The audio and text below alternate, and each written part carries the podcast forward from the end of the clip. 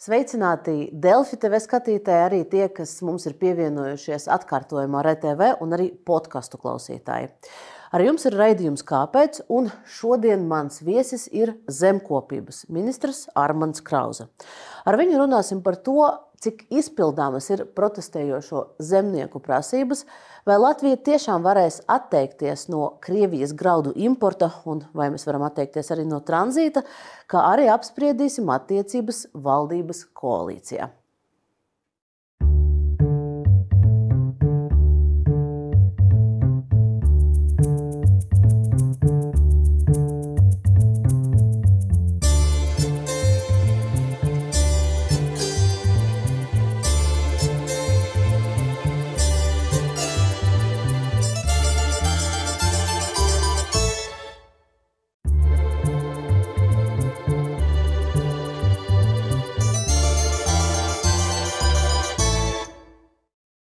Krauzes kungs, esat laipni lūgts Delfi TV. Labvakar! Eh, un pirms mēs sāksim interviju, es skatītājiem atgādināšu, šajā raidījumā mēs to izmantosim pirmo reizi, bet spriedzi ar Delfi iepriekš šī te, šīs jaunas tehnoloģijas tika izmantotas. Savus jautājumus raidījumā viesim jūs varat uzdot vietnē slaido.com, izmantojot QR kodu, ko šobrīd jūs redzat savā ekrānā.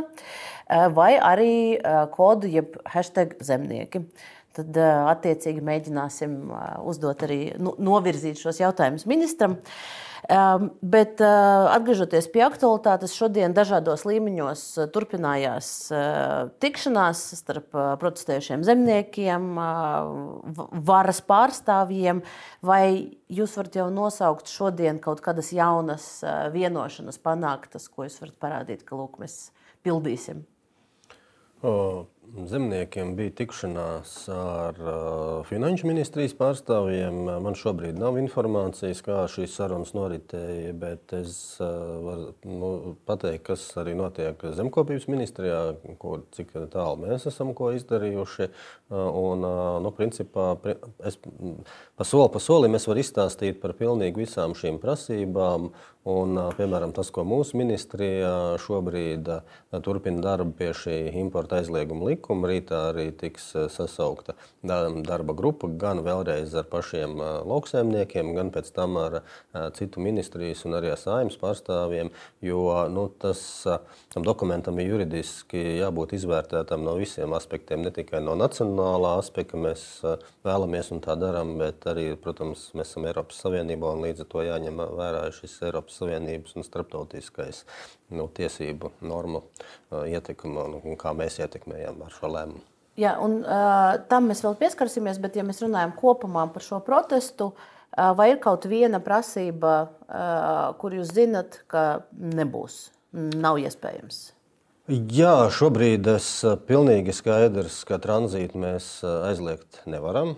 Un, tātad šī prasība noteikti nu, izpildīta nevar tikt. Tā ir vienīgā. Jo, jā, jo tādu lēmumu varētu, varētu pieņemt arī tikai, ja par to vienojās Eiropas Savienība, bet mēs atceramies, ka ir Pasaules tirzniecības organizācija un mēs esam uzņēmušies starptautiskas saistības un faktiski tranzīta aizliekšana ir nereāla prasība, izriet, kas nu, faktiski neatbilst starptautiskai un Eiropas likumdošanai.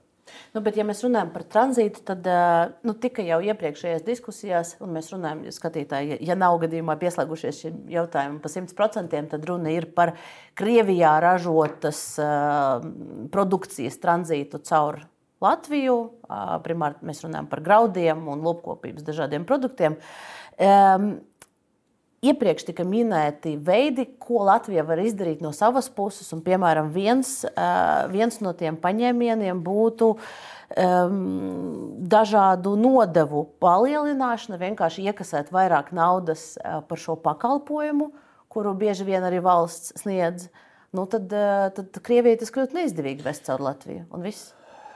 Redziet, mums primāri ir aizliegta importa, par ko mēs esam vienojušies. Un, un, un, un, tā tad importa aizliegšanai ir vajadzīgs. Nu, Latvijā varam aizliegt, tas ir skaidrs, bet, lai darbotos efektīvi, jāaizliedz Eiropas Savienībā. Tas nozīmē Eiropas Savienības sankcijas, kur arī visām dalību valstīm ir jāpiekrīt.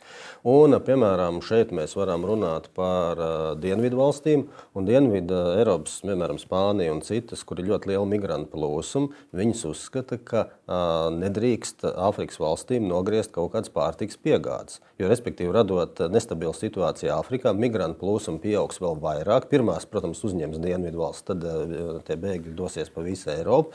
Un uh, pārtikas tranzīta nodrošināšana ar mērķi, lai šie graudi un pārtika nonāktu Āfrikā, ir prioritārs, lai mēs novērstu bēgļu plūsmas. Tāds tā ir dienvidos esošo valstu viedoklis, un mēs viņus ļoti labi saprotam. Tur nu, viņi pelda, viņi cenšas žogiem tikt pāri dažādā veidā. Un iemesls ir tas, ka tur ir nu, arī daudzos reģionos bats un, un tiešām pārtiks nepietiekamība.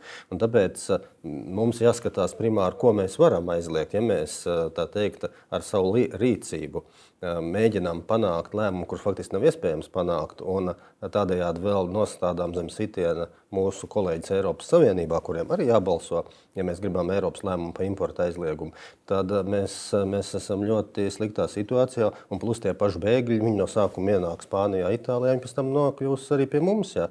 Un tāpēc šis ir globāls jautājums, un es teiktu, un viņš arī vēl pretrunā ar apvienoto nāciju organizāciju, to, ka tomēr nu, nedrīkst bloķēt šos eh, pārtiks piegādes ceļus. Atcerieties, ka apvienotās nācijas iesaistījās, ka Krievija bloķēja Ukraiņas graudu izvešanu. Tā kā nu, mums ir jāsaprot, kādā līmenī un ko mēs darām. Un uh, pretēji starptautiskām nu, tiesību normām un starptautiskai likumdošanai Latvija nedrīkst iet. Nu, bet bet, bet uh, infrastruktūras maksas pacelšana nav pret uh, starptautiskiem likumiem. Mums nevar, nevarēs bet tas nozīmē, ka mēs vēlamies bloķēt. Nu, mēs paceļam infrastruktūras maksu, piemēram, simts reizes, un tas nozīmē, ka tas tranzīts nebūs. Mēs esam faktiski to izdarījuši. Jā. Un tāda tā maksas pacelšana, piemēram, viņa nav visekonomiski pamatot, viņa ir politiski pamatot. Nu, nu, tas ir līdzvērtīgi tam, ka mēs vienkārši vēlamies aizliegt. Jā. Bet tas sekas, es izstāstīju, kādas būs sekas. E Ok, bet eh, piemēram, eh, ir, ir, vēl, eh, ir vēl veidi, kā vismaz Latvijas, Latvija kā valsts, mēs kā, kā tauta nodokļu maksātāji varam vienkārši nepiedalīties šajā stāstā, aizliedzot šo pakalpojumu sniegt valsts uzņēmumiem, kā to izdarīja Igaunija. Nu, un, jā, mēs to zinām. Un, kāds ir rezultāts Igaunijā? Tāpat caur Igaunijas ostām tiek vesti dažādi pārtiks produkti, un tos pakalpojumus sniedz Latvijas. Uzņēmumi. Latvijas, Latvijas un, privā, un, pri, ne, un arī privātie uzņēmumi, un arī Latvijā ir privātie uzņēmumi, citu, kas sniegs, kas pieder diezgan odiozām personībām. Nu, es tur neesmu pētījis, bet nu, tur runā, ka tur varētu būt Meronī un, un, un dažādi citi šādi cilvēki, kas tur iesaistīti ir tajās tranzīta privātās kompānijas, kuras pēc tam pārņem tos pārvadājumus. Un tas, kas notiktu, Latvijas valstī būtu zaudējumi, un mēs visi iedzīvotāji, jūs, nu, mēs, mēs no valsts budžetu maksātu mūsu dzelzceļa um, par to, ka viņiem ir zaudējumi. Nu, tad jautājums ir, vai ir vērts to darīt, kā mēs skaidri zinām, ka izdarīs to citi. Nu, šobrīd uh, Latvijas dzelzceļš tik un tā saņem valsts subsīdijas, un pēc būtības sanāk, ka mēs no, savam, no, no nodokļu maksātāju līdzekļiem jau subsidējam to biznesu ar Krieviju. Nē, mēs nevis subsidējam, mēs subsidējam to iztrūkumu, kas ir radies. Jo, nu, kā jūs zināt, protams, ka Latvijai nu, ir tāds grūts uzdevums mūsu dzelzceļam atrast krāvas, ko pārvadāt, kuras ir nokļūst mūsu ostās, bet kuras nav Krievijas krāvas. Protams, ir jāpārorientējas, tas prasa laiku, tas, tas nav ātri. Ja, ja mēs tā, tad subsidējam, tad mēs subsidējam to krāvu iztrūkumu un tos zaudējumus, kas veidojās dēļ krāvu iztrūkuma. Nogriežot vēl kaut ko, mums būs jāmaksā vienkārši vairāk. Nu, tad, tad jautājums ir, kas mums ir prioritāte. Tomēr budžetā sagādāt, lai maksimāli daudz naudas, vai apzināti viņi eh, teikt, izņemt ātri ārā, un pēc tam es zinu, ka nauda būs vajadzīga tāpat izglītībai, veselībai, vis kaut kur citur. Un no tā nekas nemainīsies, jo Igaunijas gadījums pārvadā citi. Nu, mēs nezinām, vai nekas nemainīsies, vai tie privātie spēs nodrošināt to pašu apjomu. Uh, Nu, bet es vienmēr ir Igaunijā privātie spēji, viņi to dara un viņi ļoti labi pelna. Un, jo palīdz Latvijas, Latvijas dzelzceļš, ja mēs lieksim šo darīt Latvijas valsts uzņēmumiem, no attiecīgi tad viņi arī Igaunijai nevarēs palīdzēt. Nu, ja jūs esat gatavi maksāt valsts budžetā vairāk nodokļus un sekt to zaudējumus, tad, protams, to var darīt. Bet es uzskatu, ka tas ir nepareizi. Jo paša sankcija būtība ir, ja mēs kaut ko vēlamies vērst pret kādu citu, tad tam citam ir jācieš vairāk kā tam, kurš attiecīgi arī vērš tās sankcijas. Un tagad iedomāsimies no, no, no situāciju, ka mēs nolēmjam, jā, sankcionēt. Uh, kādu personu, vai arī kaut vai šīs sankcijas vērst pret Krievijas. Un rezultātā viņiem viss ir labi, bet mums ir slikti, un mēs maksājam vairāk, un mēs dzīvojam sliktāk. Nu, tā sankcijas, tad, tas nav sankciju mērķis. Jā. Tad, tā nedarbojās tas. Un, mums galvenais ir ieviešot kaut kādas pasākumus vai sankcijas, lai mēs tai otrai pusē, kura slikti rīkojas, kur ir agresoru valsts, kura, kura izdara kara noziegumus, ja, lai viņi ciestu un lai viņi to nevarētu darīt. Ja. Un pretējā gadījumā mēs vēršot sankcijas pret sevi, mēs nevarēsim palīdzēt tai pašai Ukrainai. Mums arī ir jā, jābūt valsts budžetā pietiekoši nauda, lai mēs varētu gan palīdzēt tas, ko mēs darām Ukrainai, gan mūsu iedzīvotāji, un, piemēram, tie paši lauksaimnieki, kur arī daudzi ziedojuši gan savus pika piekapus aizsūtījuši un, un, un automašīnas. Kā, un, ja mēs sitam pa savu ekonomiku, mēs dzīvosim sliktāk un vairs nevarēsim palīdzēt tādā apjomā Ukrainai, kā varam. Nu, šis gan ir tāds arguments, par kuru moralitāti varbūt kāds var strīdēties, jo pelnīt no Krievijas naudu, lai pēc tam palīdzētu Ukrainai, nu, tur tas. Es šeit nerunāju par morāli, es runāju par uh, ekonomiku. Un par morāli runājot, uh, pilnīgi un droši imports ir jāaizliedz. Un, ja mēs runājam, tad principā es uzskatu, ka viss ir jāaizliedz tieši tā, kā mēs arī Jo jautājumu jau es personīgi, tad pirmais sāka lauksaimniecības un zivsaimniecības ministra padomē oktobrī, pēc tam decembrī, janvārī. Es esmu faktiski viens no pirmajiem, ne, es esmu pirmais ministrs, kurš šo pacēla Eiropas līmenī, jo līdz tam par to nerunāja. Karš, tad cit notiek jau gandrīz tūlīt būs divi gadi. Un tam man jāsaka, ko pirmā gadā darīja Nacionālā apvienība, kur vadīja zemkopības ministrija. Neskapēc viņi nevienu neko nedarīja. Ko, nu, viņi nerunāja par šiem jautājumiem, ne par tranzītu, ne par importu. Es to, esmu pirmais, kas to esmu pacēlis. To mēs viņiem pajautāsim, bet jūs šo esat pacēlis arī tikai tad, kad sociālajos tīklos sākās teiksim, tā, nu, skandalēšanās, liels sašutums par to, ka visi redz, ka brauc, brauc tie vagoni ar graudiem, un tad, un tad, un tad pieslēdzas žurnālisti.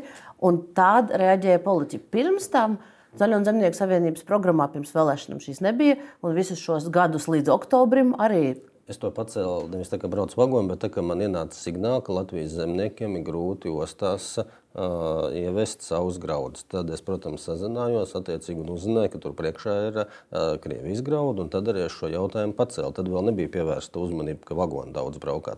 Man šie signāli nāca no pašiem lauksaimniekiem, un es arī uzreiz atbilstoši reaģēju.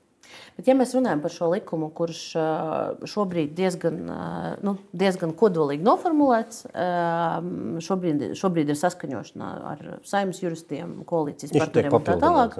Jā. Jūs varat nosaukt saimnes sēdi, uz kuru tas tiks virzīts? Es, kad, tas, kad tas varētu būt? Es varu notikt? prognozēt, es neesmu deputāts. Es varu prognozēt, es domāju, ka tam jānotiek nākošais nedēļa. Tad jūs jau esat saņēmuši no, no juristiem saimnes rītā, atzinumu. Rītā ka... vēl notiks darbs, viņš ir uh, nepilnīgs, viņš ir jāpapildina. Rītā sanāks tātad uh, kopā uh, gan lauksaimnieku organizācija pārstāvja, gan ministrijas pārstāvja. Būs arī pēc tam no citām ministrijām saimnes juristiem. Tā kā šis, šis likumprojekts viņš ir ļoti ātri tapis dažu dienu laikā, un tāpēc viņš ir rūpīgi jāizvērtē saimnes juristiem, kuriem ir liela pieredze šādos te, uh, jautājumos, jo es vēlreiz uzsveru, ka te mēs kļūdīties nevaram. Bet likumā nav nosaukti konkrētie produkti. Tur vispārēji tiek runāts par uh, lauksaimniecības produktiem, kas nāk uh, no Krievijas Federācijas un Baltkrievijas Republikas. Un tālāk jau ministru kabinets izstrādās noteikums, kur ierakstīs šos produktu kodus, ko tad, ko tad mēs aizliedzam. Tieši tā. Tāpēc, un kad ka... tie būs gatavi? Uh, nu, uzreiz arī, uzreiz arī nākamnedēļ nu, visu uzreiz, nu, uzreiz ministra kabinets arī izstrādās, un mēs ķersimies, jo te ir ļoti būtiski, kāpēc, kāpēc tas uzticēts ministra kabinetam, nevis tā vispārīgi. Mums, piemēram, līdz šim bija runa par graudaugiem. Ja. Te pašā laikā, atkarībā no muitas koda, piemēram, kukurūzas, kas ienāk, viņi var būt kā graudaugs, bet ja viņi ienāk lobarībai, viņi uzskaitās kā lobarība. Ja. Tāpat, piemēram, zirņi, zirņi, kas ir nokulti, sausi, berami zirņi, ja. viņi pēc atsevišķiem kodiem tiek klasificēti kā dārgi dārzeņa. Un, un, līdz ar to var būt viens un tas pats produkts dažādās vietās. Viņš var, viņš var neparādīties pie pārtiks, viņš parādās pie lobarības. Tāpēc ļoti rūpīgi mums ir arī to darbu uzticēt nevis tagad steigā saimā, ka tiek ierakstīta kaut kāda koda vai nosaukuma, pēc tam, kas ir nepilnīgi un neatbilst, nu, piemēram, muitas klasifikācijai, bet uzticēt to ministra kabinetam, kur tālāk jau ministrija kopā ar attiecīgo ar finanšu ministriju, kas pārauga muitas lietas, arī šos kodus un produktus noteiks. Cik ātri tas notiks? Nu, prot, kad, kad mēs jau redzēsim to gatavo rezultātu, kur, kur varēs no, lik... sākt stopēt uz robežas? Pirmkārt, likumām noteikti ir jāiet, domāju, divos lasījumos. Tas ir steidzamība, bet ne dienas laikā. Tad, tur ir jābūt tomēr diskusijai komisijā, jādod ir iespēja iesniegt priekšlikumus deputātiem. Tā kā likums visticamāk divu nedēļu laikā tiks pieņemts un attiecīgi pēc tam, nu, cik ātri tas atbilstoši procedūrai ir un saskaņošanai arī tiks izstrādātiem kā noteikumi. No aptuveni, kad tas varētu būt gatavs. Lai mēs pēc tam varam ministru kabinetam jums pajautāt, kur ir. Jā, nu es, eh, jūs, man, jūs man tagad prasiet, es, es darīšu visu no savas puses, lai tas būtu uzreiz, jā, bet, eh, attiecīgi, protams, arī šo likumu es jau domāju, ka viņš varētu būt šonadēļ darba kārtībā, bet eh, te radās daudz dažādu jautājumu, nu, gan juristiem, gan, starp citu, arī pašām organizācijām radās jautājumi līdz ar to, nu, no vienas puses viņas prasīja ātri, no otras puses viņas tomēr tagad prasa, ka vajag tomēr izsvērt, jo Ja runā par izēvielām, dažādiem produktiem, nu, tad viena no tām prasībām, kas arī izvirzītas, nav likumā, tas neatiecās uz likumu, bet um, kad aizliegt uh, izēvielas, tad pārtiks produkts un izēvielas. Un te rodās jautājums, tā, kādas izēvielas, vai tās ir pārtiks produktu izēvielas, tur, tur eh, pēc tās prasības sanāk un izēvielas, un tajā mēs paplašinām, vai, piemēram, eh, lobarība, kas ir melase un, un dažādi cits eh, minerālu piedevs, vai tās izēvielas, vai traktoru rezervas daļas, ja, vai tas uz to arī attiecās vai neatiecās, un tāpēc es domāju, ka ļoti lielā steigā pieņemot, mēs paši varam kļūdīties, jo lauksaimnieki viena daļa no šiem protestu organizētājiem saka, tās bija domātas pārtiks produktu izēvielas un lobarība. Neķerieties klāt, eh, piemēram, energoresursiem, neķerieties klāt eh, traktoru rezervas daļām, jo mums tas radīs problēmas. Ja? Un tāpēc nu, es, es teiktu, ka mēs, mēs darām tādu lietu pirmo reizi.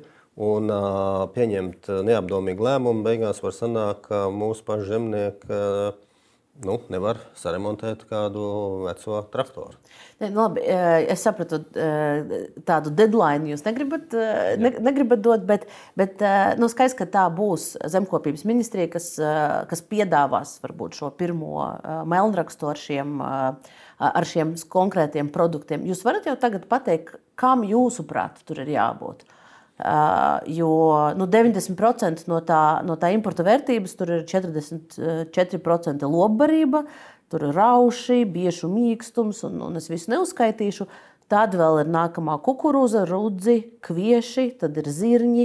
Tas viss tur būs. Visi, jā, visi jūs minētie tad, tad, nu, graudi, kas ir graudi, tā, skaitā, tā skaitā arī lobarībai paredzētie, un, un šeit arī noteikti zirņi. Nu, nu, tas, kas ir aktuālais mūsu zemniekiem šajā brīdī, tas ir pirmais, kam tur jābūt iekšā. Pārtika pati par sevi, tējas, alus, koku cepumi, kas tur vēl nāk no Krievijas? Pārtika arī vajadzētu, bet te ir nu, būtiski tas, cik daudz pārtika ienāks no citām Eiropas Savienības dalību valstīm, un vai mēs varam izveidot mehānismu, kas nav pretrunā, ja ir pārtika importēta, piemēram, Lietuva, Polija, nezinu, Ungārija, kāda cita valsts no Krievijas, un tālāk viņi tiek iekšējā tirgu bez kontrolas pārvadāta, tad te ir jābūt ļoti skaidram mehānismam, kā arī mēs varam nobloķēt Eiropas iekšējā tirgu produktu pārvietošanu. Un tas ir pilnīgi skaidrs, ka mēs nekādā gadījumā uz Lietuvas un Latvijas robežas neatjaunosim muitu vai robežu. Tas, Nu, tas, tas, veterinārais dienas tas nav iespējams. Un, un, un tātad, bet atcerieties vienu, ka Eiropas Savienībai ir brīva preču kustība. Ja? Un šeit nav tik vienkārši. Ja, piemēram, to pašu kukurūzu aizved uz kādu Eiropas valsti, Krievijas kukurūzu, no viņas izgatavo lobarību.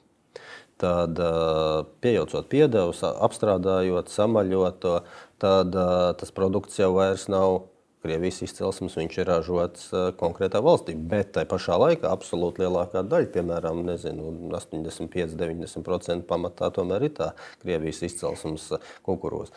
Un, nu, šie jautājumi, ko es jums tagad stāstu, viņi ir ļoti rūpīgi juridiski jāizvērtē. Es esmu tomēr lauksaimnieks, es uzticos gan saimnes juristiem, gan tiem, kas šādus jautājumiem strādā. Jo, ja mēs kaut kādu aizliegumu pieņemam, tad viņam ir jāstrādā. Un, tāpēc mans uzskats ir, ka vispareizāk ir aizliegt Eiropas Savienības līmenī, kas arī atbilst Eiropas praksē, ieviešot sankcijas pret konkrētām preču grupām. Bet mēs zinām, ka tas nenotiks. Spānija un citas uh, Eiropas Savienības dienvidu valsts nekas ne, nekad nepiekritīs. Vis, vis, visa Eiropas uh, sankcijām pret Krievijas graudiem un pārtiku. Es piekrītu, jo, ja mēs, mēs atkal atgriežamies pie tā, ja mēs runājam par to pašu tranzītu, tad viņi vēlās saglabāt tranzītu, lai neradītu nu, spriedzi jā, Āfrikā, kur ir bats. Tas nozīmē, ka mēs, protams, piedāvājam, ka runājam par importa aizliegumu, nerunājam par tranzītu viss, ko pērk Dienvidu valstis, nu, arī starp citu Ziemeļā Eiropā, no Krievijas, ir pilnībā aizstājams ar Ukraiņas produktiem. Tad gan kukurūza, gan kvieši, visi šie produkti ir aizstājami. Un tāpēc es pat nesaprotu, kāpēc Eiropā būtu jāievērt Krievijas labība, ja, ja nu, 100% var visu aizstāt ar Ukraiņas produkciju. Un, un, un, Un cena ļoti līdzīga. Ja arī Krievija šo cenu nosit zemāk, tad tas jau ir dempings. Faktiski Krievija mērķiecīgi to dara. Jau, un te atkal ir Eiropas procedūras, kuras ir tādā gadījumā, ja tā ir dempinga cena, kuras ir jāiedarbina un jāuzliek muitas nodevs. Tika runāts par to, ka ieviešot šo importu aizliegumu Latvijā, mēs gribam, lai to pašu izdara arī mūsu kaimiņi, Igaunija un Lietuva. Cik tālu jūs esat sarunās ar viņiem, vai vispār ir sākta kaut kāda komunikācija? Lai viņi izdara to pašu, tādu pašu likumu kā pie mums.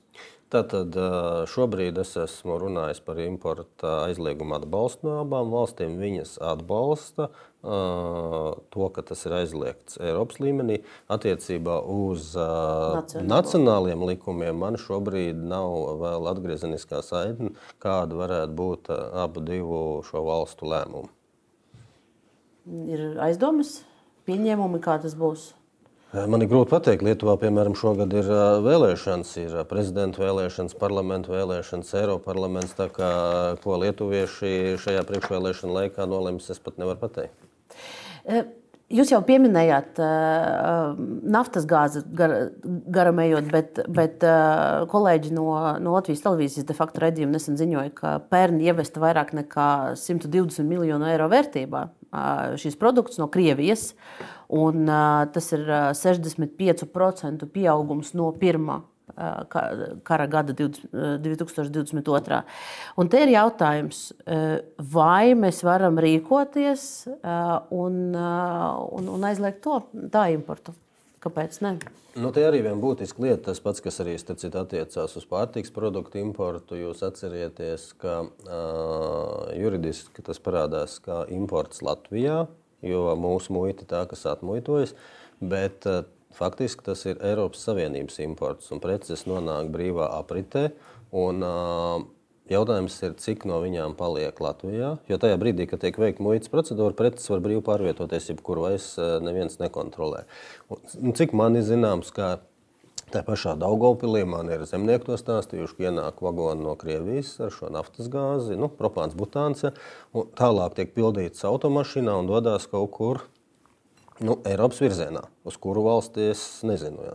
Tā kā es pieņemu, ka ļoti liela daļa no šī apjoma, ko jūs minējāt, aiziet tālāk Eiropas Savienības iekšējā tirgu, bet nešaubīgi, ka arī liela daļa paliek Latvijā.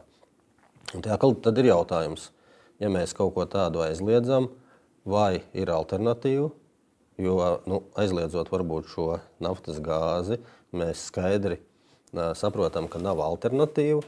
Un kāds ir rezultāts? Tāds, ka daudzi lauku iedzīvotāji, kur joprojām izmanto sarkanos balonus vecos, kur tiek pildīta šī gāze iekšā, viņiem vienkārši vairs nebūs gāze, gāzes plītī.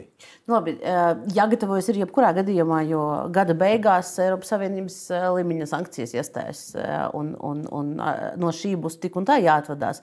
Bet jautājums ir arī par valsts uzņēmumiem, jo teiksim, tie paši Latvijas valsts meži kas ir zemkopības ministrijas pakļautībā, pērk naftas gāzi.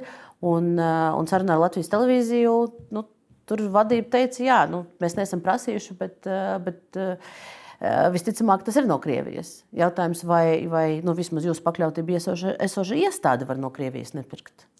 Ja, ja ir alternatīva, tad, eh, protams, ka var nepirkt. Bet, vai, viņi ir, bet, vai viņi ir vērtējuši? Bet, tas ir jautājums. Bet, eh, nu, tas jājautā viņiem, bet es domāju, ka noteikti viņi ir vērtējuši. Jo, ja, jo jebkurā gadījumā jūs man tagad tikai jautājumu šodien tas bija, tas bija uzdevāt, pirms divām nedēļām un, un, un, sabiedriskajā televīzijā. Un, un, nu, kā ir iespēja pirkt vai nepirkt. Ja nav alternatīva un nepērta, varbūt apstājās piemēram kādas nu, zemniekiem, piemēram, kalta apstāsies. Nu, Viņiem ir jāpērk. Šajā gadījumā tā atbilde nevis, bija nevis tā, ka viņi ir izvērtējuši un alternatīvas nav. Bet ka, viņi, ka viņiem nav tiesības pieprasīt informāciju par izcelsmes valsti, un tāpēc viņiem nebija tiesības, tiesība uzdot šo jautājumu.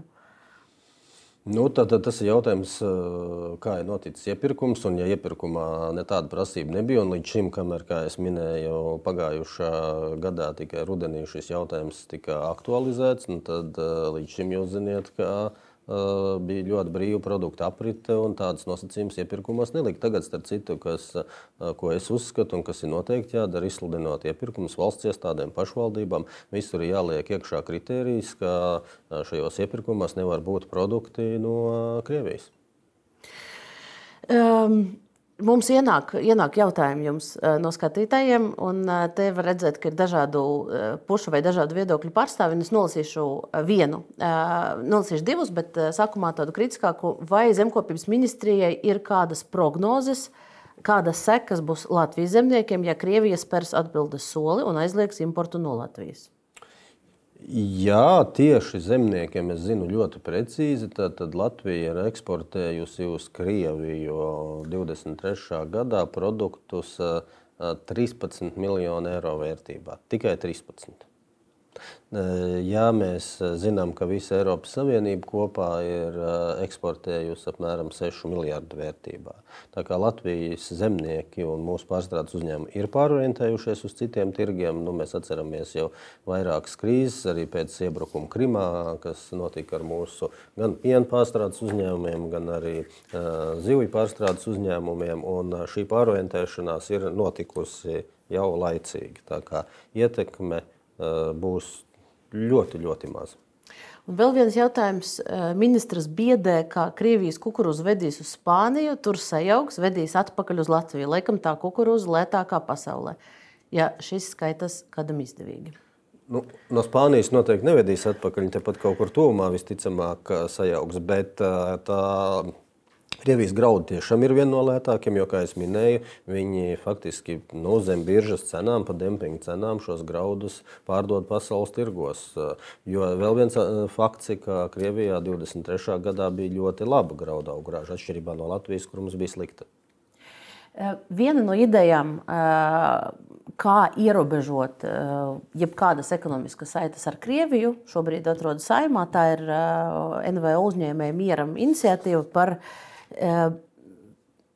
jauna nodokļa vai, vai ieturējuma nodokļa paaugstināšanu visiem maksājumiem uz Krieviju 90%. Nu, Protams, tā ideja ir, ka jebkurš darījums ar Krievijas uzņēmumu nozīmētu, ka no līgumā paredzētas summas, piemēram, 100 eiro, uz Krieviju drīkstētu aizceļot tikai 10.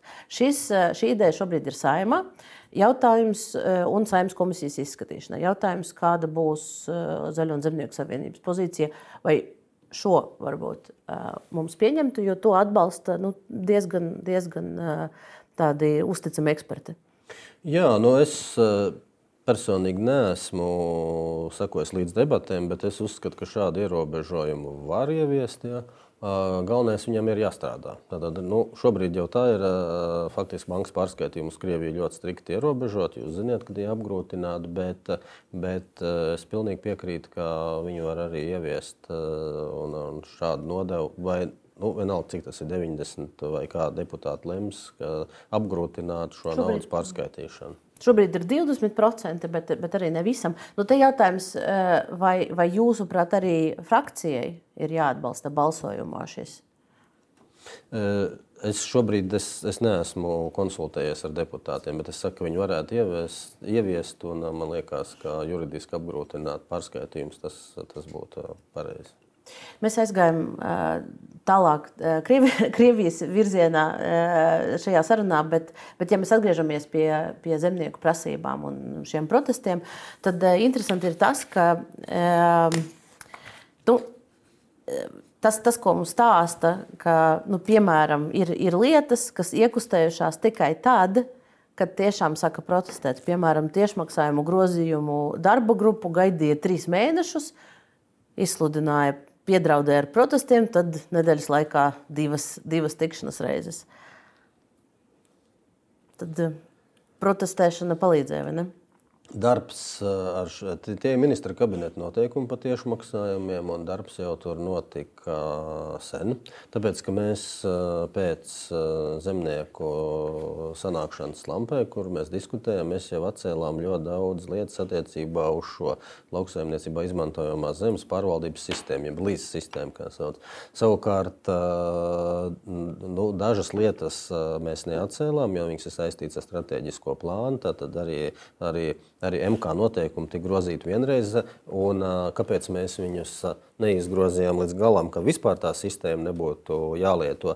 Jo pagājušā gadā jau pieteikšanās uz platību maksājumiem bija notikusi, visi jau bija pieteikušies, un viss bija procesā jau aprēķini. Jūs zināt, ka jau pirmās naudas jau sāk izmaksāt pusoktobrī. Ja? Tad tas bija procesā. Un ja mēs pilnīgi visu atceltu pagājušā gadā, tad eh, tas varētu apdraudēt arī jau šī gada naudas izmaksāšanu. Tāpat mēs pieņēmām lēmumu par šo datumu pārcelšanu uz 5. februāru un ļoti daudz dažādas lietas.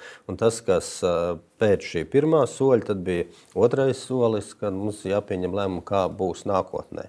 Un es biju politiski jau to pateicis, un faktiski mans politiskais lēmums bija pieņemts, ka šī līdzsistēma nebūs jāizmanto. Nu, un, attiecīgi, šogad arī sākās darbs pie noteikumu grozījumus. Tie nav vienīgie noteikumi. Te ir, eh, kur tai sarakstā arī piemēram, ir lietas, kas attiecās uz apdrošināšanu, uz kredītprocentu dzēšanu. Man, piemēram, arī viens tāds piemērs par apdrošināšanas ministra kabineta noteikumiem. Tātad, Viņi jau faktiski tika sagatavoti pagājušā gada nogalē, bet mēs vairākas reizes saņemām no organizācijām priekšlikumus. Te ir runa, ka mēs saņēmām priekšlikumus no zemnieku sājums 5. janvārī.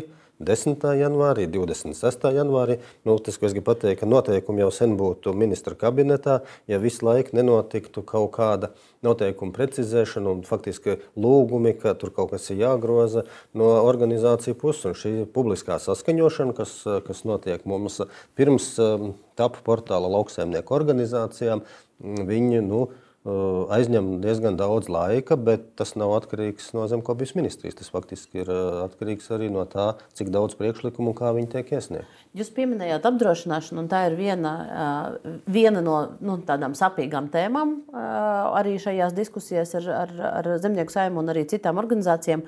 Un, cik saprotu, tas, kas šobrīd nav atrisināts, ir šis nacionālais finansējums. Jo, uh, zemnieki nu, nemaksā pilnu summu, viņi saņem līdz, līdzfinansējumu ši, šim apdrošināšanas polisēm. Un šobrīd mēs zinām, un iezīmēts ir finansējums šim gadam. Nākamajam gadam, nu, nu, kā paveiksies. Un, un, viņi, un, un zemnieki prasa stabilitāti, lai viņi zinātu, ka arī 25., 26. un tā tālāk gados šis būs. Nu, redziet, novembrī bija runa par finansējumu šim gadam mēs apsolījām, pielikām. Tagad no sākuma bija prasības to sistēmu sakārtot. Nu, jums priekšā jūs varat izlasīt, kā tur tas bija tajā vēstulē minēts. Tāda tālāk jau diskutējot radās papildus prasība. Nē, nu jūs ielieciet eh, tagad eh, bāzē, budžeta bāzē un nodrošiniet, ka viņš ilgi ir. No manas puses, mēs eh, no ministrijas puses esam jau to kā prioritāti politiski noteikuši. Un es uzskatu, ka šis apdrošināšanas jautājums ar to, ka ir piešķirta nauda.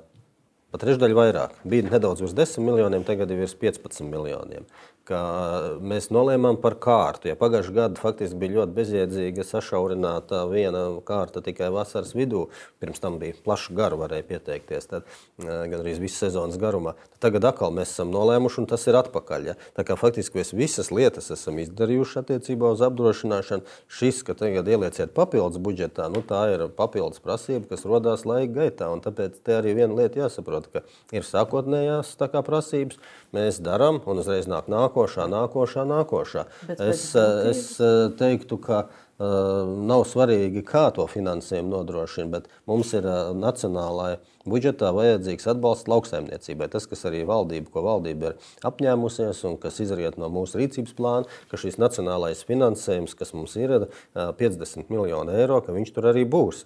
Un, attiecīgi, protams, ka šis nacionālais finansējums tiek novirzīts nu, mūsu prioritātēm. Apdrošināšana ir viena no prioritātēm, un nešaubīgi, ka nu, finansējums būs. Un te es vēlreiz uzsveru, šis ir viens no darbiem, kas jau bija izdarīts pirms faktiski tika rakstīta tā vēstule. Es nu, ne tikai tā uzskatu, bet tā arī ir. Bet laikam zemnieki vēlas skaidrību, ka ja mainīsies ministrs, un viņi atzīmē, ka Uh, nu, pēdējā laikā, divos gados, ir trīs ministri bijuši, bijuši šajā amatā, uh, ka šis nemainīsies un turpināsies. Ja, ja, ja ieliktu bāzē, tad tas tur paliktu. Un, un būtu skaidrība, ka lūk, mums ir šīs līdzfinansējums, mēs varam to atļauties. Nu, man patīk, tomēr, ka tādas lietas runā uzreiz sākumā. Tad, tad, ja mēs runājam par bāzi, tad to vajadzēja arī runāt novembra sākumā slampē. Tad tā arī bija skaidri jādod definēt, defi, nu, ka tam jābūt budžeta bāzē. Tad arī diskutējot par budžetu, mēs par to runāt. Jā. Nevis tagad, ka budžets ir piemēram. To, par to mēs varam runāt šī gada beigās, jo, kā jūs zināt, tādas lēmumus pieņem sagatavojot nākošā gada budžetu. Tur, starp citu, vēl viena prasība, kurai no apdrošināšanas es nepiekrītu, un es arī pamatošu, kāpēc. Tur ir prasība līdz 70% sekt polises vērtību. Ja. Šobrīd mēs sedzam 50%. Tas ir ministra kabineta nu, noteikums. Zemnieki gan saka, ka viņi dzīvē saņēma mazāk, daudz mazāk nekā pusi. No tiem riskiem, kurus mēs sedzam, viņi saņem 50%, un mēs arī vienojamies, ka arī nākošā gadā Tas ir šī gada, jau 24. viņi saņems tiecas 50%. Kāpēc es uzskatu, ka nevar pacelt uz 70% šo atbalstu? Jo ņemot vērā to, kas notika 23. gadā, atklājās, ka tomēr daudz zemnieku nav apdrošināti. Mums ir svarīgi, lai sistēmā ienāk lielāks skaits zemnieku. Tad mēs faktiski saglabājām pieliekam klāt naudu, saglabājam šo pašu 50% atbalsta likmi. Un, strādājam mērķiecīgi, lai ienāktu vairāk zemnieku. Ja mēs paceļam līdzfinansējumu līdz 70%, tas nozīmē, ka jau esošie, kas sistēmā ir, viņi saņems vienkārši lielāku atbalstu un mazāk līdzekļu paliks jaunienākšanai. Un tāpēc uh, arī es uzskatu, ka mūsu mērķis ir, ne tikai 300 tūkstoši hektāru apdrošinās, lai vēl vairāk nāk iekšā, lai ir apdrošināta puse vai, vai faktiski uh, jā, nu, divas trešdaļas no visām lauksaimniecības kultūrām, kas ir. Tad, tad arī tā apdrošināšanas sistēma strādās efektīvāk, polišu cenas kritīsies. Un tāpēc šim punktam par 70% es nepiekrītu, bet pārējais viss jau ir izdarīts. Nu, ne viss, jo tā stabilitāte, nu, kā nav, tā nav. Es vēlreiz atgādinu, ka tā nebija sākotnējā prasība. Tā nāk bet pēc klāta. būtības, bet pēc būtības. Un stabilitāte ir tas, ka mums ir, mēs esam paredzējuši, ka šie 50 miljoni, kas ir papildus valsts finansējums lauksaimniecībai, ka viņi ir. Vēl viens, vēl viens aspekts, kas arī pēdējās dienās, šodien, kā jūs teicāt, bija tikšanās Finanšu ministrijai un, un, un, un, un, un arī zemniekiem, uh, ir pievienots vērtības nodoklis. Šobrīd uh, viņš uh, ir 12% svaigiem dārziņiem, augļiem, ogām, Latvijas raksturīgiem. Uh, 5% prasa zemnieki. Vasarā par to runās, veidojot nodokļu politiku. Jautājums, nu, cik realistiski ir atkal šī 5% likme, ņemot vērā to, ka finanšu ministrija nu, diezgan konservatīva ir parasti un saka, ka nu, naudas nav. Uh. Es uzreiz pateikšu, ka Zemkopības ministrijas nostāja ir par pazemināto likumu. Arī Zaļo un Zemnieku savienība mēs esam par pazemināto likumu. Mēs neesam nekur norādījuši, ka tie ir 5%. Un mēs gan esam norādījuši, ka tā ir visa pārtika, ne tikai augļi un dārziņi. Un papildus tam arī ēdināšana. Tas ir tas, ko mēs arī esam pieteikuši nodokļu pārskatīšanas darba grupā. Tā nav vienkārši diskusija. Tā tiešām ir uh, diskusija ar visiem koalīcijas partneriem, ar finanšu ministriju. Un, uh, tas ir uh, budžeta veidošanas darbs. Tas, kas es uzskatu, ka šai likmei, kas ir šobrīd noteikta 12%, tad būs pusgadu viņi darbosies un būs izvērtējums. Svarīgākie argumenti, kāpēc jāsamazina likme, Tāpēc, ka pirmkārt, cena mazāka, otrkārt, mēs palīdzam zemniekiem naudas plūsmu nodrošināt, un Bet... trešais ir ēna ekonomika. Ēna ekonomika mēs zinām, ka ir apkarota, nav. Tad tā bažas bija, kas teica, ka ja paceļ uz 12, ka viņi atgriežas. Uh, Nu, vai tā būs vai nebūs, mēs nezinām. Es uzskatu, ka viņi neatgriezīsies. Jums ir arī pa šiem gadiem ir tiešām stingrāks kontrols un ir sakārtojies tirgus. Cena veikalos jau toreiz, kad faktiski par 16% samazināja, viņa tikai kritās par kaut kādiem 10-11%, nevis par 16%. Tad kāds uz tā rēķina nopelnīja. Nu, naudas plūsmas stabilizēšana tas ir tas lielākais efekts, ko gūst lauksaimnieki un kas arī kāpēc tā prasība ir. Jo katru mēnesi lauksaimnieks saņem PVN pārmaksu. Bet par kādu likmi jūs cīnīsieties vasarā? Debatēs, diskusijās ar, ar, ar finanšu ministriju, kura noteikti gribēs to 21% atpakaļ? Mm, es likme noteikti ir jāpamato ar sociālo-ekonomiskiem aprēķiniem. Jo nevar vienkārši paskatīties griestos un pateikt, 5, 10. Arī šeit mēs esam debatējuši un ir dažādi aprēķini. Tāpēc tagad galvenais uzdevums ir gan finanšu ministrijai, gan zemkopības ministrijai šos uh, atšķirīgos aprēķinus salikt kopā, un tad, eh, tad arī būs saruna un diskusijas. Es, eh, es uzskatu, ka samazinātai likmei eh, augļiem un dārziņiem ir jāpaliek. Mums slaido platformā ar hashtag zemnieki pienāk, tiešām turpina pienākt jautājumi jums. Un tas pēdējais ir, ka Krauza opozīcijā vispār cīnījās par 0% likmi. Kāpēc ne tur šo solījumu? Es teicu, ka labi būtu, ja ir 0% likuma, bet es arī atgādināšu, ka tā, kad ZZS bija valdībā, mēs ieviesām šo, šī samazinātā likuma, starp citu, ir Zaļo un Zemnieku savienības valdības un finanšu ministrijas izdarīts darbs, ieviešot viņu augļiem un dārzeņiem. Terminēti terminēti ne jau uz. Uh... Tāpēc, ka viņam bija mērķi, es vēlreiz atgādinu, bija mērķi, kuri, kuri, kuri no šiem mērķiem ēna ekonomika tika apkarota naudas plūsma lauksaimniekiem arī tika izlīdzināta. Noslēdzot šo, šo bloku, eh, es gribēju mazliet eh, pavirzīties eh, un paskatīties uz Eiropas Savienības līmeni. Un tagad mēs redzējām, ka pēc globāliem zemnieku protestiem ir arī Eiropas komisija mainījusi savu vai apsolījusi mainīt savu, savu nostāju un arī, nu, piemēram, samazināt tās prasības, jo sākumā uh, vēlējās uzlikt pienākumu samazināt pesticīdu lietojumu Eiropas Savienības teritorijā uh, par 50%. Tagad no šīs prasības attie sola atteikties, un pagaidām mēs nezinām, kas tur tālāk būs līdz 2030. gadam. Bet uh, ir skaidrs, ka tā izmantošana pieaug, arī Latvijā izmantošana pieaug. Uh, dabas, dabas aizstāvji runā par uh, par uh, ūdeņu kvalitāti, par uh, putnu daudzveidību un tā tālāk. Un tad ir jautājums, nu, kādas jūs redzat risinājumus, lai tomēr to lietošanu kaut kā apkarot? Kaut ko vietā tad būs jāliek, vai ne? Redziet, uh, lietošanu nevajag apkarot.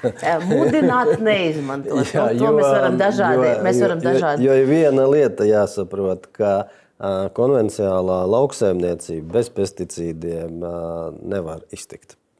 Tad auga aizsardzības līdzekļi ir jāizmanto.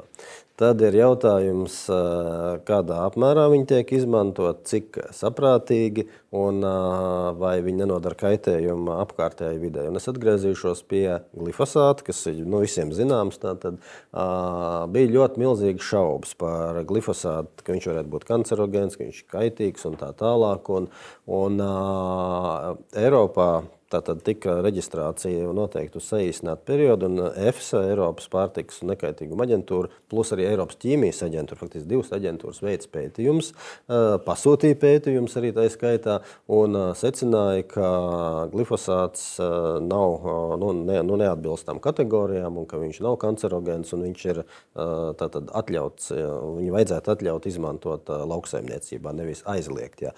Un tajā laikā, kad es arī iestājos par šo aizliegumu, es vados pēc piesardzības principa. Ja ir bažas kaut kādas, ka kaut kas kaitē, tad ir jāaizliedz, jāpārbauda un tad jāturpina.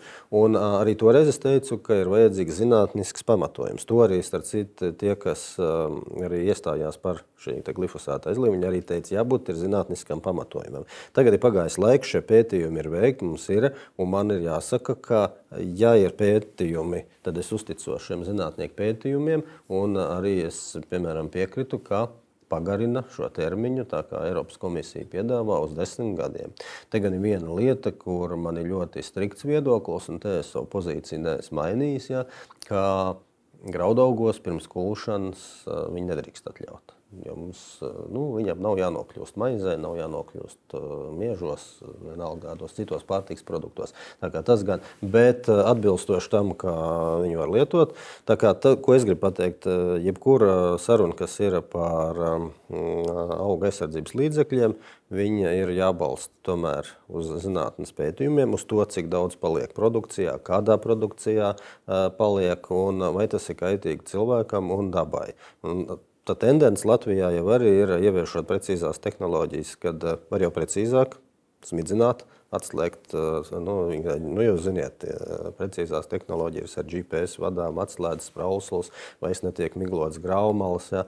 Tā pašā laikā integrētā ražošana, kas nozīmē, ka mēs eh, lietojam tikai tik daudz, cik vajag un kur vajag. Ja? Tā kā ja mēs ejam uz šo integrēto ražošanu, plus arī bioloģisko ražošanu, tad ir ļoti svarīgi arī, protams, atbalstīt bioloģisko ražošanu, jo tur šie pesticīdi, jeb auga aizsardzības līdzekļi, agronomiski pareizi netiek lietot vispār.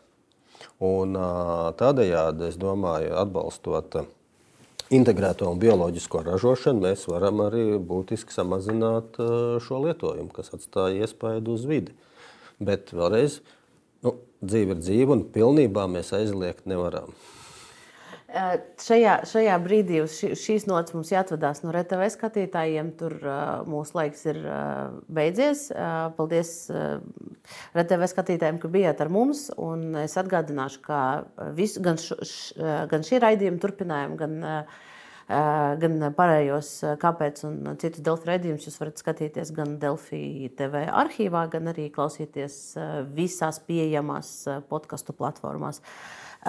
Paldies, RTV! Vēlreiz tiekamies ar jums pēc nedēļas.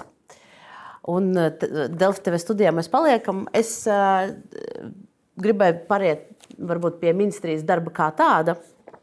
Un brīdī, kad jūs tikat ievēlēts par, par ministru, tad, protams, kā, kā jau jebkurš ministrs, jūs savu padotībā esošo iestādi tā, tā, tā darbu organizējot.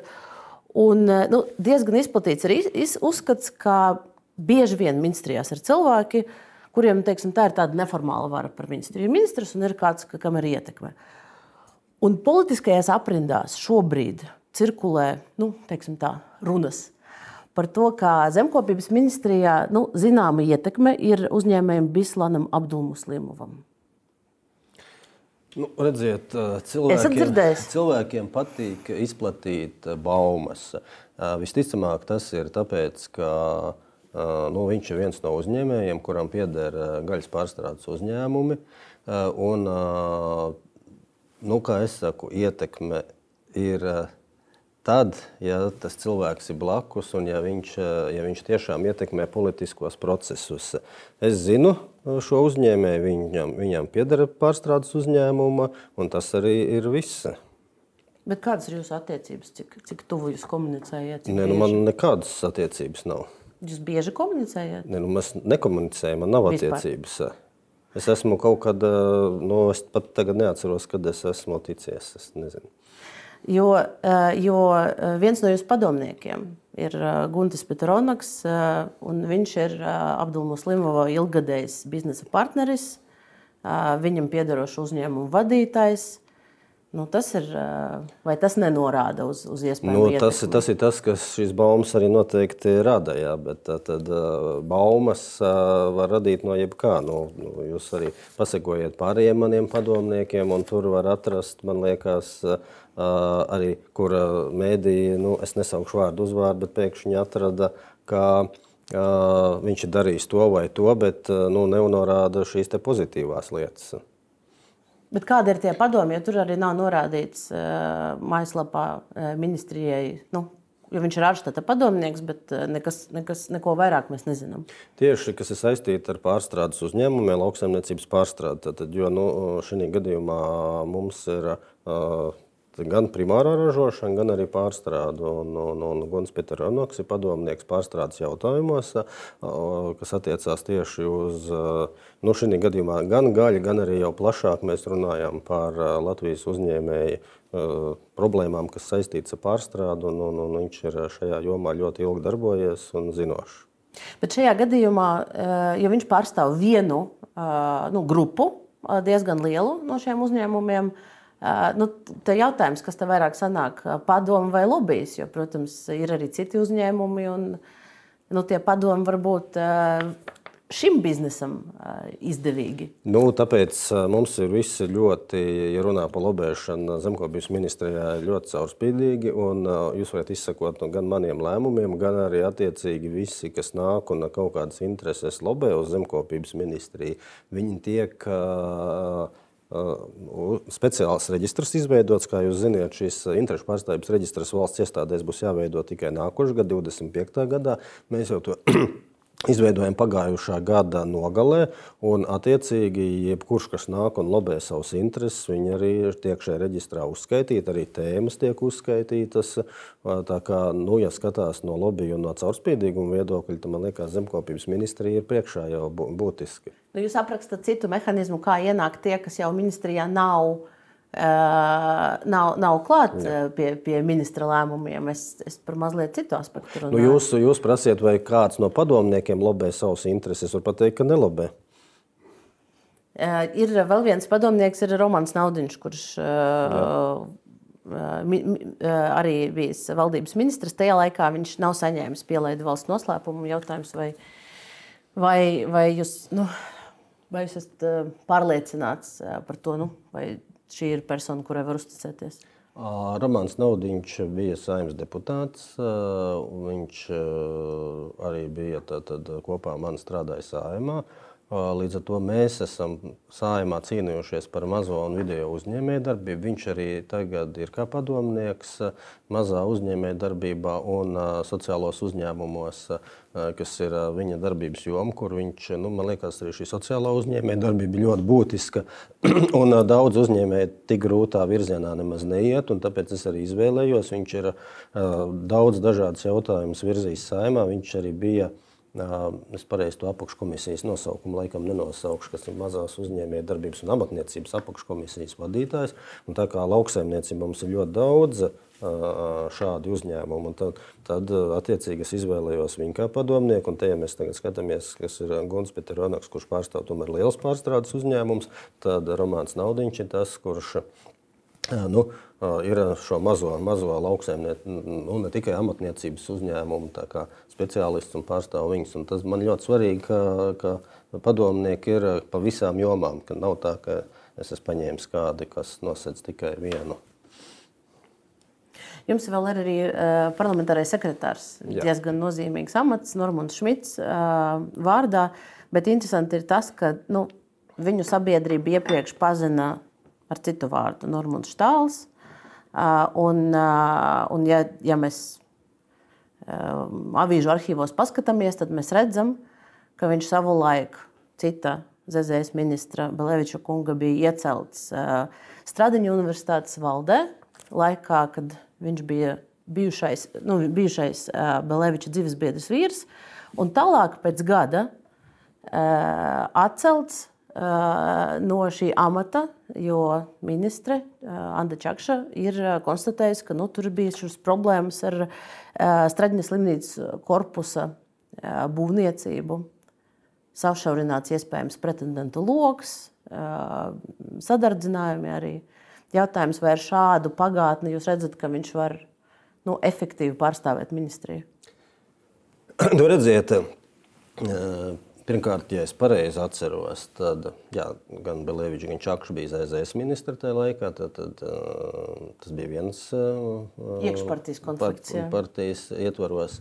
Otrakārt, šie iepirkumi, visi, kur tagad ir šī lielā jēzga, ir notikuši pēc tam. Uh, Tā kā acīm redzot, nu, mēs runājam par, šie, par to, kas nu, notiek nu, tagad. Nu, toreiz toreiz to. nekas tur teikt, nenotika.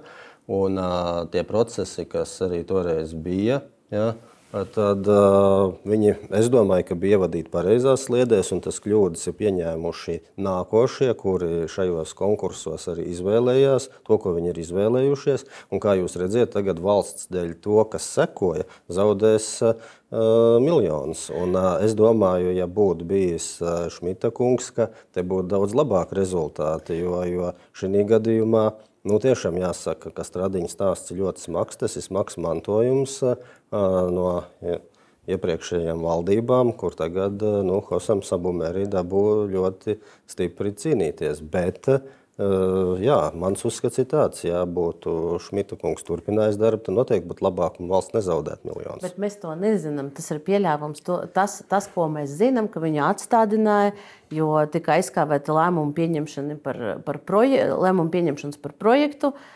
iespējams tika sašaurināts pretendentu lokus. Nu, tie arī pieņēmumi, un, jūs tikko arī sakiet, tie arī pieņēmumi, bet nu, tā, jūs sakiet, tās, iespējams. Tās bija ministrijas, kā... ministrijas viedoklis, ka šie, šie pārkāpumi ir pietiekoši uh, smagi, lai viņš zaudētu uzticību.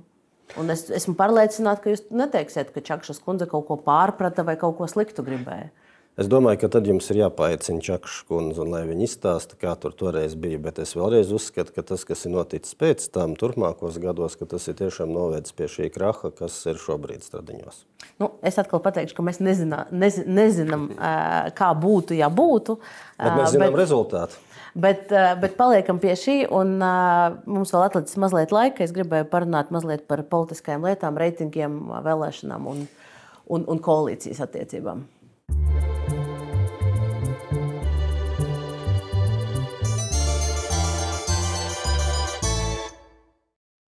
Partiju reitingi janvārī tika publicēti Latvijas televīzijā Zaļo un Zemnieku savienībai vislielākais kritums. Un, ja mēs salīdzinām ne, ne skaitļos, bet pozīcijās, tad, tad 14. sēmas vēlēšanas ZZS bija otrais rezultāts. Tagad jūs esat 4. vietā. Jums ir skaidrojums? Jā, nu, pirmkārt, eh, man liekas, ka tiešām eh, reitingi visu laiku eh, gan partijām iet uz augšu, uz leju. Šajā brīdī es domāju, ka esot valdībā, mums ir jādara ļoti daudz nepopulāras lietas. Kaut vai tas, ko mēs tikko pacēlām ar šo birokrātijas apkarošanu.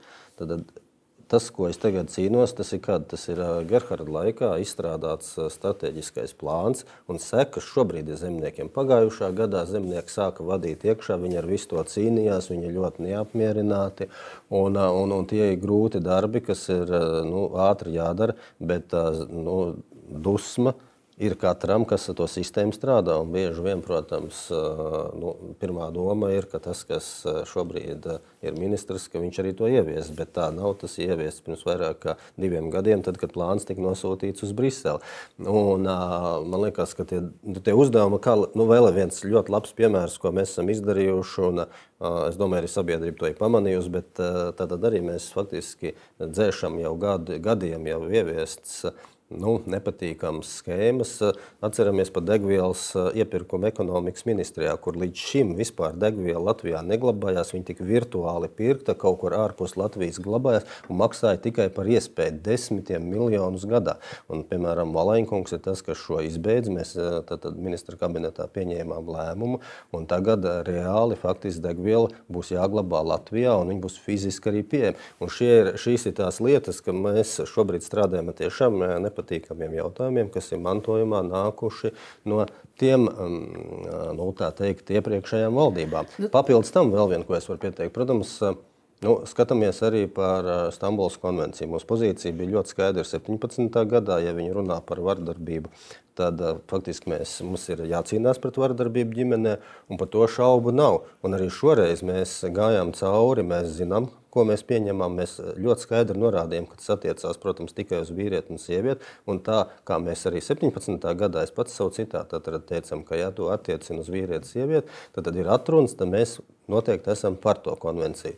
Un šoreiz mēs viņu pieņēmām, bet nu, jāsaka, opozīcijā esošās partijas nu, ļoti spēcīgu kampaņu organizēja, tā skaitā apvienotais saraksts un arī, arī nu, pārējās partijas, kas, kas tagad tā, to grēkāzi atrada Zaļos un Zemnieku savienības, tāpēc, ka mēs iestājāmies pret vardarbību, mēs esam tie sliktie un faktiski es teiktu tā, ka nu, uzzīmēja to bildi nepatiesu, kādu nu. viņi. Un, Tie ir tie vairāk iemesli, kas arī varētu būt, kāpēc šobrīd uh, viņš ir nogājis nedaudz, nedaudz un no, reitings nokustējies. Nu, tā laikam ir jārunā arī par, par, par, par šo partnerības institūtu, jo uh, tur gan uh, Zaļo Zemnieku savienība savā programmā runāja, uh, ka nu, mērķis ir uh, dabiskas ģimenes veidošana, kur, uh, protams, tiešā veidā tas nav pateikts, bet šis ir tāds signāls konservatīvi domājušiem uh, vēlētājiem, ka mēs neatbalstīsim vienzīmumu pāru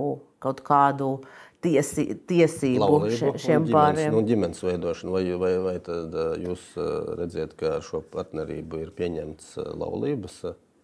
Nu, tā nav. Nu, okay, man, te, man tad ir jānospēlē. Tāpēc, tāpēc... Nu, man, man tad ir jānospēlē viens fragments TV24, kur te, taisņim, tieši prasījums par partnerību šo institūtu ieviešanu pagājušā gada septembrī. Un, un mēs varam noklausīties īsi nu, to jūsu pamatojumu nokļūstot nelaimē, nereģistrētā laulībā esošai ģimenei, kuriem ir bērni, lai viņi tomēr tiek uzskatīti par, par, par to, nu, par ģimeni, ka viņi var gan abi vecāki parūpēties viens par otru, ja, gan arī e, par bērniem.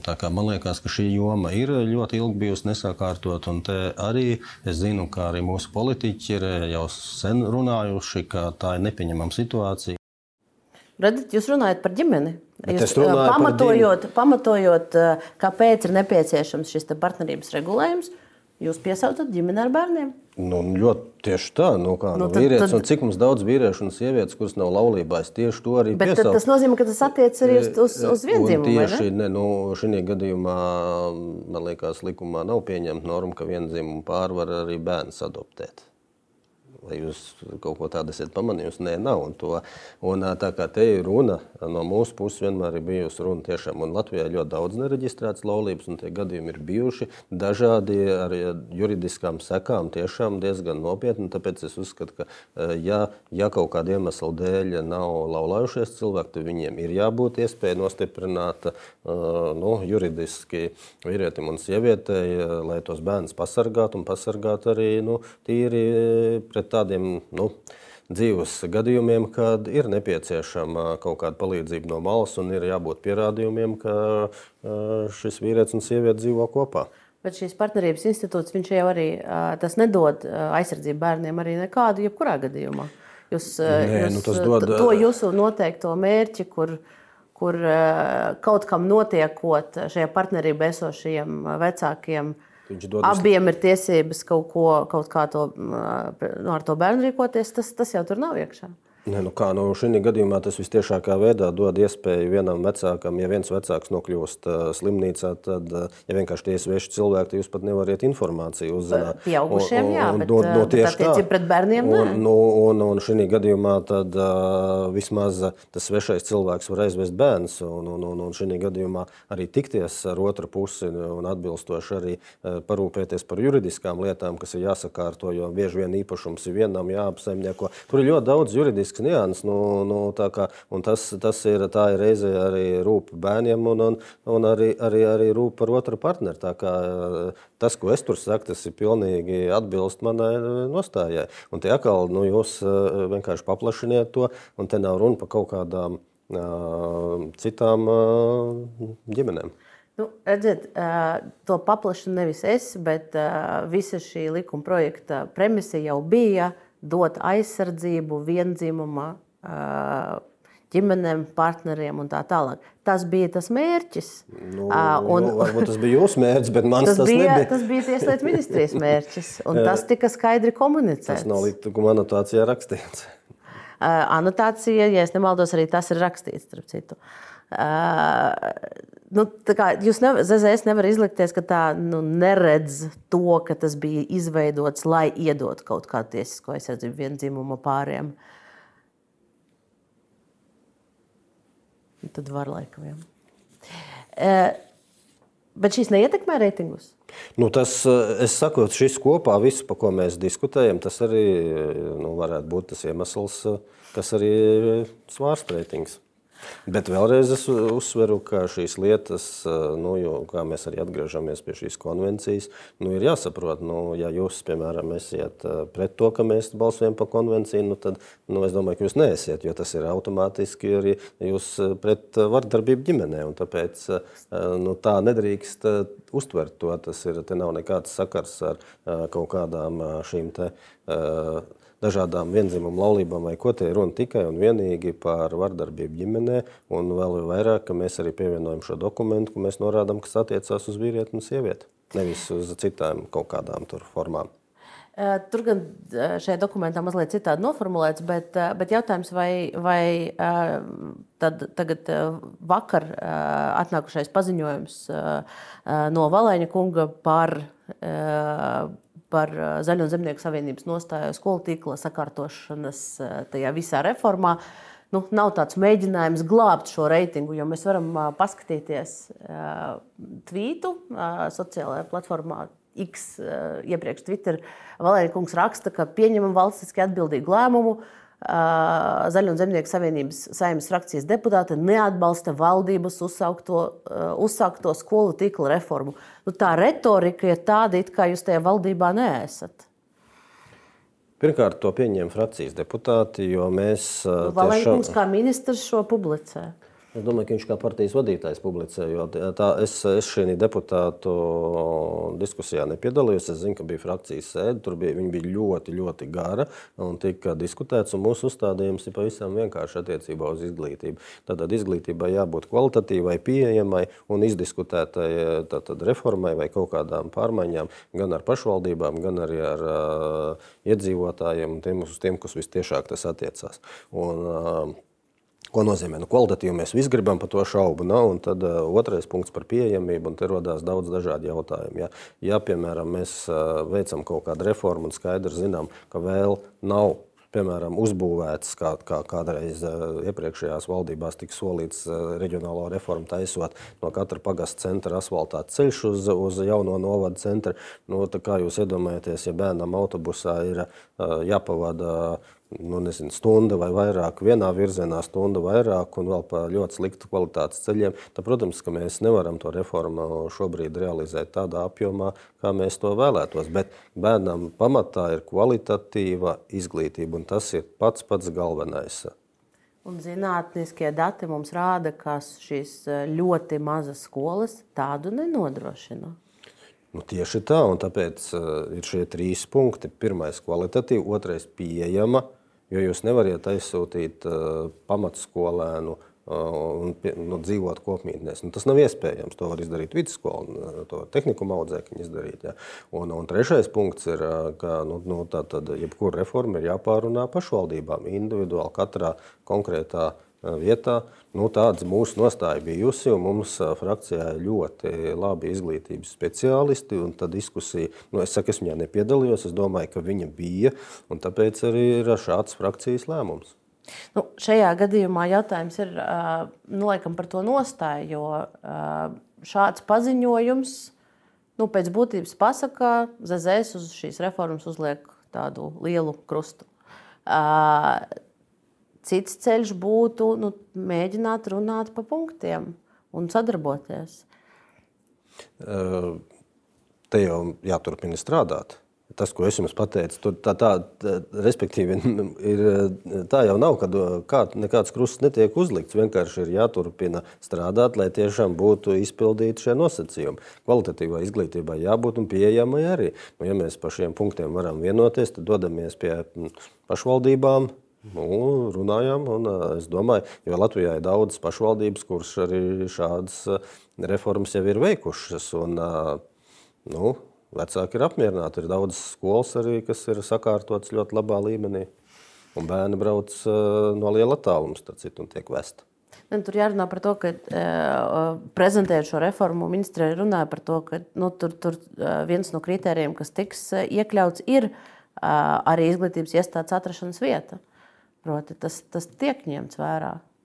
Es vēlreiz atgādinu, ka mums ir ļoti labi izglītības jomas speciālisti. Un, uh, es, mums, ir piedāvājuši reformu, bet. Nu... Nu, un es mums Zaļo un Zemnieku savienībā uh, Un, uh, viņi ir frakcijā izdiskutējuši, un tas ir frakcijas deputāta lēmums. Šī gadījumā es, man, uz, man ir šī ļoti skaidri saprotama šie uzstādījumi, kas ir no mūsu puses, bet par detaļām, kilometriem, bērnu skaitu tomēr es domāju, ka jāuztic, lai diskutē profesionāļi, tie, kas ir nu, izglītības sistēmā strādā. Es jums piekrītu, un, un tās ir specializētas diskusijas, bet, ja mēs runājam par to politisko līmeni, drīz, drīz jau mēs noslēgsim šo sarunu, bet, ja mēs runājam par to politisko līmeni, jau tad, kad Zēzēs ienāca valdībā, nu, mēs jau gan eksperti, gan žurnālisti runājam par to, ka tas var nozīmēt, ka ne skolu, ne slimnīcu reformas nebūs Jo uh, jūsu politiskais spēks, nu,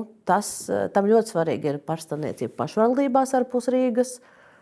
Un, uh, tur grūti ir saglabāt popularitāti, ieviešot šādas nepopulāras reformas. Un mēs arī redz, redz, redzam, ka tas tā arī notiek, kā tas tika prognozēts.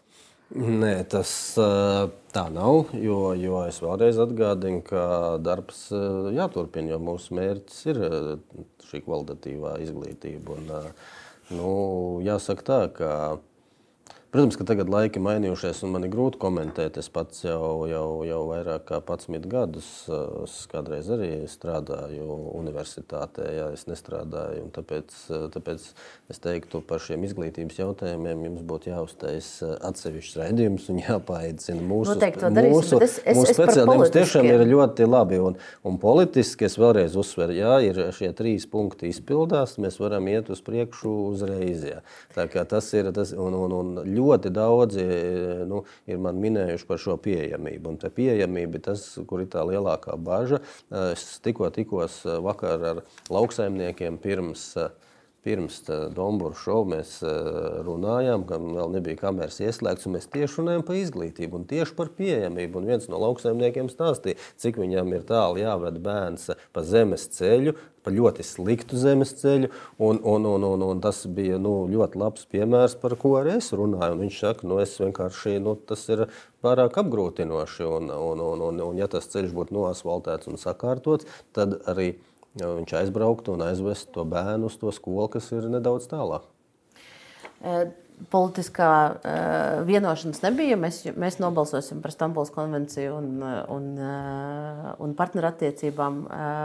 Bet reformu neatdosim, nebūs. Nē, tādas vienošanās mums bija. Mums, protams, bija lielie uzstādījumi, kas ir jāsaskārto, un arī šie tiesiskie aspekti, bet mēs jā, nu, šādas detaļas mēs neesam. Jūs gandrīz teicāt, mums bija, un tad es gaidīju, kāds būs tas turpinājums, kas tad jums bija par vienošanos. Bet, nu, labi. Nu, tā, bet viņus visiem zinām, to jau mēs arī skaidri nokomunicējam, par ko mēs bijām vienojušies, un neko papildus mēs neesam. Eiropas parlaments vēlēšanas eh, pavisam tuvu. Eh, rīt eh, noslēgsies sarakstu iesniegšana. Zaļo un Zemnieku savienība ir iesniegusi savus sarakstus. Jūs arī tur esat kā kandidāts. Es gribēju mazu fragment no jūsu kolēģa valdībā, Viktora Valaiņa, kurš sprieda ar Delfi raidījumā pie Alinas Lastovskas nesen viesojās.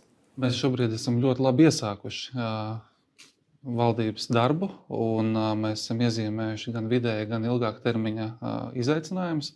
Un, manā ieskatā tas būtu diezgan bezatbildīgi no manas puses, ja šobrīd atteiktos no tiem uzdevumiem, kurus mēs paši sev esam izvirzījuši. Ministrs Valēnis uzskata, ka bezatbildīgi kandidēt no ministra pozīcijas ministrs Krause kandidē. Um.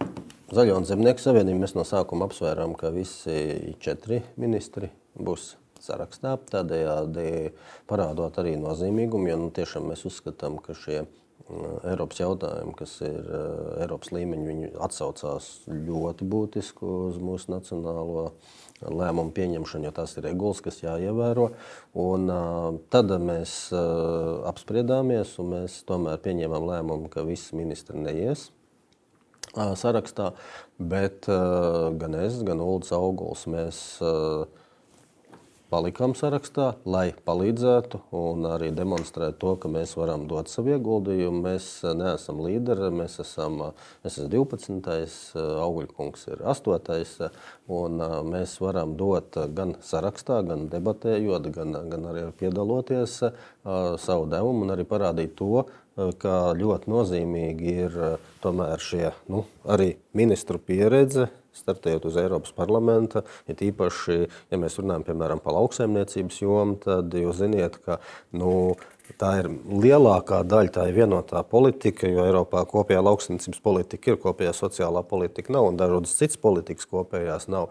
Un, un, es domāju, ka es varu palīdzēt saviem kolēģiem, mūsu sarakstu līderim Harijam Rokpelnam, lai, lai, lai arī nu, teikt, vēlēšana rezultāts būtu labāks.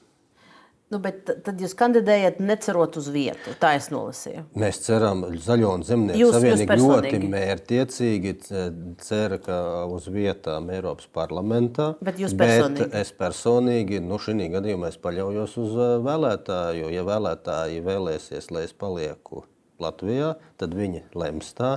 Un, ja vēlētāji būs lēmuši, ka man tomēr jādodas prom, tad eh, tā arī notiks. Šī gadījumā visi vēlētāji rokās. Un... Bet Val Valēņa kungs jau.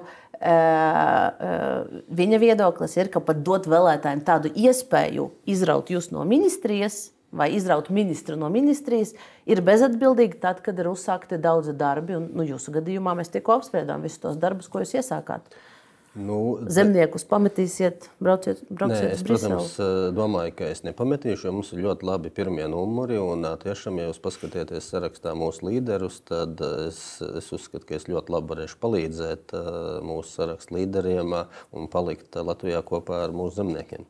Nu, tad jūs kandidējat, bet aicinat. Uh... Nē, es kandidēju, es kandidēju un palīdzu sarakstā. Nu, kā jūs domājat, vai, taču, protams, kad 18 vietas pat Latvijas parlamenta nu, mūsu pārstāvjiem nav Eiropas parlamentā? Jautājums, vai būs viena, jo nu, ZZS tika pārstāvēts tikai vienu reizi ar uh, Ivetas Grigors kundzi. Nu, tieši tā, un tāpēc arī mūsu mērķis šoreiz ir. Tāpēc arī šoreiz sarakstā ir divi ministri, kas, kas arī parāda to, ka šī Eiropas dimensija mums ir ļoti svarīga. Un, un šie jautājumi, kas ir Eiropas līmeņā, nu, viņi nav vienkārši atstāti novārtā, bet mēs esam gatavi un mēs esam gatavi uzklausīt vēlētājus. Un arī kā vēlētāji lems, tā arī būs. Nu, šo frāzi var attiecināt uz, uz visām vēlēšanām, uz visu Latvijas politisko sistēmu kopumā. Tāpēc ar to mēs arī atvadīsimies. Paldies ministram Krausam par piedalīšanos raidījumā. Paldies visiem, kas iesūtīja savus jautājumus. Ne visus nolasīju. Sūtiet vēl arī nākamajos raidījumos, un tad atvadamies arī no skatītājiem, klausītājiem. Tiekamies pēc nedēļas.